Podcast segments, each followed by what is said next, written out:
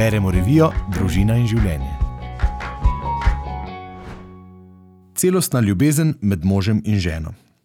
Lahko vas močno nagovori, da je Bog že od prvih strani svetega pisma postavil ljubeč odnos moža in žene za podobo svoje ljubezni do človeka in za razodevanje svoje enosti v sveti trojici.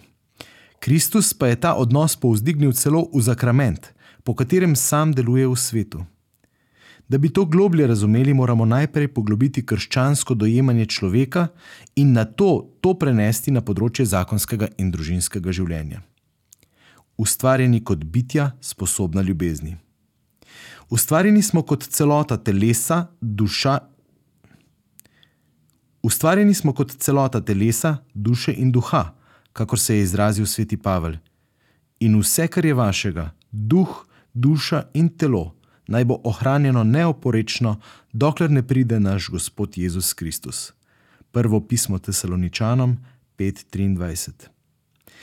Ne gre za tri ločene elemente, ki so na to sestavljeni, marveč za neločljive resničnosti v človeku. Te plasti našega bitja so tako neločljivo povezane med seboj, da nujno vplivajo druga na drugo. Vse, kar je telesnega pri človeku, telo, telesni čuti, se uporabi za simbolni izraz njegove duše. Psihični del človeka, čustva, volja, razum, spomin in telesno ter duševno skupaj za simbolni izraz duha, sedež vere, upanja, ljubezni, notranji prostor srečanja z Bogom. Zaradi te povezanosti ima dogajanje v duši, psihološka raven, vpliv na telo ter duha. Podobno tudi duhovno dogajanje človeka vpliva na njegovo telesno in duševno razsežnost. Medsebojni vpliv je v dobrem, a tudi v slabem. Ena izmed šibkih točk sodobnega specialističnega pristopa k stvarnosti je tudi dejstvo, da se te celovitosti človeka premalo zavedamo in zato tudi premalo upoštevamo pri vseh razsežnostih življenja a ta nevednost nas ne obvaruje pred posledicami naših odločitev na osnovi oskih delnih spoznanj. Človek kot osebni dar, podarjeni za ljubezen. Svetopisemsko krščansko sporočilo o človeku je nedvoumno jasno. Človek je od stvarnika podarjen najprej samemu sebi in na to je njegova življenjska naloga, da postane dar drugim. Bog, ki je ljubezen, ustvarja iz sebe torej iz ljubezni za ljubezen. Prvo jasno sporočilo o človeku je, da ga je stvarnik ustvaril po svoji podobi, kot svojo podobnost. Prva Mojzesova knjiga, prvo poglavje 26. vrstica. Torej ga ni ustvaril zgolj kot človeško naravo, kot vsa druga bitja, kjer je posameznik zgolj izraz svoje narave, vrste, marveč je pri človeku še globlji temelj kot narava, ki je v ženski in moški obliki, in to je Bogu podobnost, ki uporabi človeško naravo, da se uresniči kot bitje odnosa v ljubezni. Kajti Bog sam se nam je razodel kot ljubezen, ki pa je seveda možna le v odnosu. To posebnost človeka imenujemo oseba, ki se zato lahko uresniči le v odnosu z drugimi. Zato se zavestno bitje lahko najbolj polno uresniči prav v darujoči se ljubezni, saj samo tako uresniči najglobljo resnico o sebi, ki je Bogu podobnost. Za človeka je nujno, da svojo ljubezen in sploh vse duhovne stvarnosti izrazi tudi duševno in telesno. Ljubiti ne moremo kar tako, ampak ljubezen vedno izrazimo tudi na telesni način in močno vključimo svoj čustveni, intuitivni in spominski svet. Zato je normalna izkušnja, da se ob izražanju in prejemanju ljubezni tudi telesno in duševno dobro počutimo. Takšno dogajanje nas napolnjuje s polnostjo, uresničenostjo, srečo, z bivanskim zadovoljstvom. Neuresničenje ljubezni zadaja rane.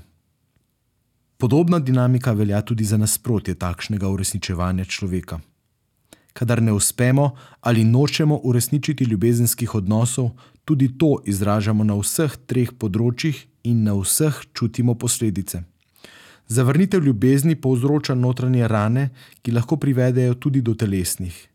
Med notranje rane prištevamo duševne ranjenosti, ki so čustvene ali razumske narave in se lahko globoko ugnezdijo v spomin, pa tudi v podzavest in pa duhovne rane v duhu, ki so povezane z moralnim zlom, ki ga v krščanskem razumevanju človeka imenujemo tudi greh.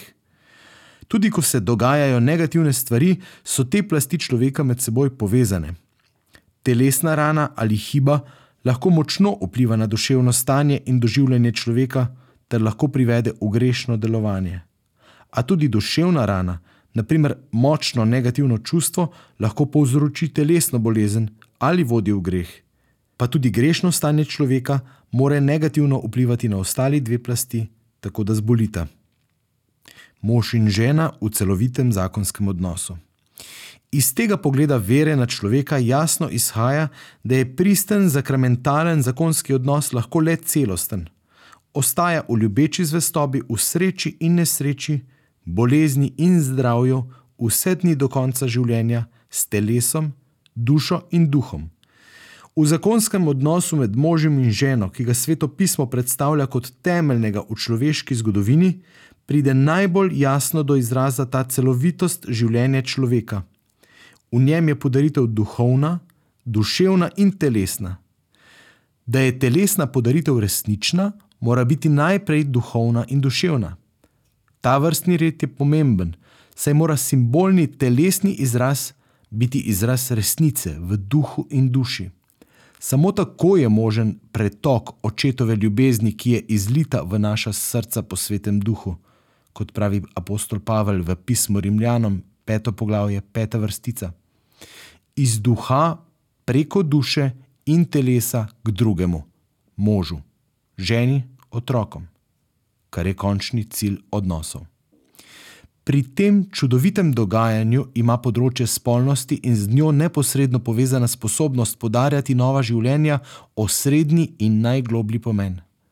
Ne pomeni le najgloblje povezanosti zakoncev, ampak tudi neposredno sodelovanje z Bogom stvarnikom, povezano je z najbolj občutljivim področjem medsebojnih odnosov med ženo in možem ter stvarnikom in je zato najgloblje področje odnosov ljubezni. Spolnost nas vodi v celostno, to je telesno, duševno in duhovno podaritev drug drugemu in skupaj Bogu. Že prva tri poglavja prve Mojzesove knjige govorita prav o tej resnici o človeku. Zato ni nič nenavadnega, da se prav na tem odnosnem področju dogajajo največje sreče in izpolnjenosti v podarjanju zrelih oseb druga drugi, ki more poroditi celo novo človeško življenje, ki spet naprej osrečuje starša in druge, ter samo doživlja srečo teh odnosov. A prav tako je pričakovano, da se prav na tem področju lahko dogajajo najhujše zlorabe, zadajajo najgloblje notranje rane, ter zadajajo celo dobesedno smrtne rane, ki zadevajo telo, dušo in duha, kot sta prešuštvo ali pedofilija. Skrivnostno, a povsem jasno, je v prvi Mojzesovi knjigi v tretjem poglavju sporočeno, da bo greh najbolj prizadel prav to temeljno odnosno področje med možem in ženo ter med starši in otroki in delovanje hudobnega duha zadobi prav tukaj najstrašnejše razsežnosti v osebnem življenju ljudi, saj dobro ve, da lahko prav tu ljudi najbolj prizadane, če se globinsko ranijo med seboj. Ljubezen rešuje. A svetopisensko oznanilo bi okrnili, če ne bi dodali tudi sporočila pra evangelija. Prve Mojzesove knjige, tretjega poglavja, 14. in 15. vrstice, Torej, prav vesele novice, da namreč Bog ne bo pustil človeka samega še v tako težkih in bolečih posledicah zla, ki se bo naselilo v skupno in osebno zgodovino človeka. Po ženi bo poslal odrešenika, ki bo to zakleto situacijo osvobodil in to prav z darujočo ljubeznijo do konca. In v tej luči upanja moramo gledati vsako, še tako temno situacijo, v kateri se posameznik ali zakonski par znajde. Bog nikogar ne zapusti in v Kristusu hodi za njim do konca. Kakor je vse storil, da sta se lahko s pogledom ujela s Petrom na dvorišču velikega duhovnika in uredila svoj ranjeni odnos, tako je gotovo vse storil, da sta se v smrtnem trenutku spet srečala z Judom Iškarjotom.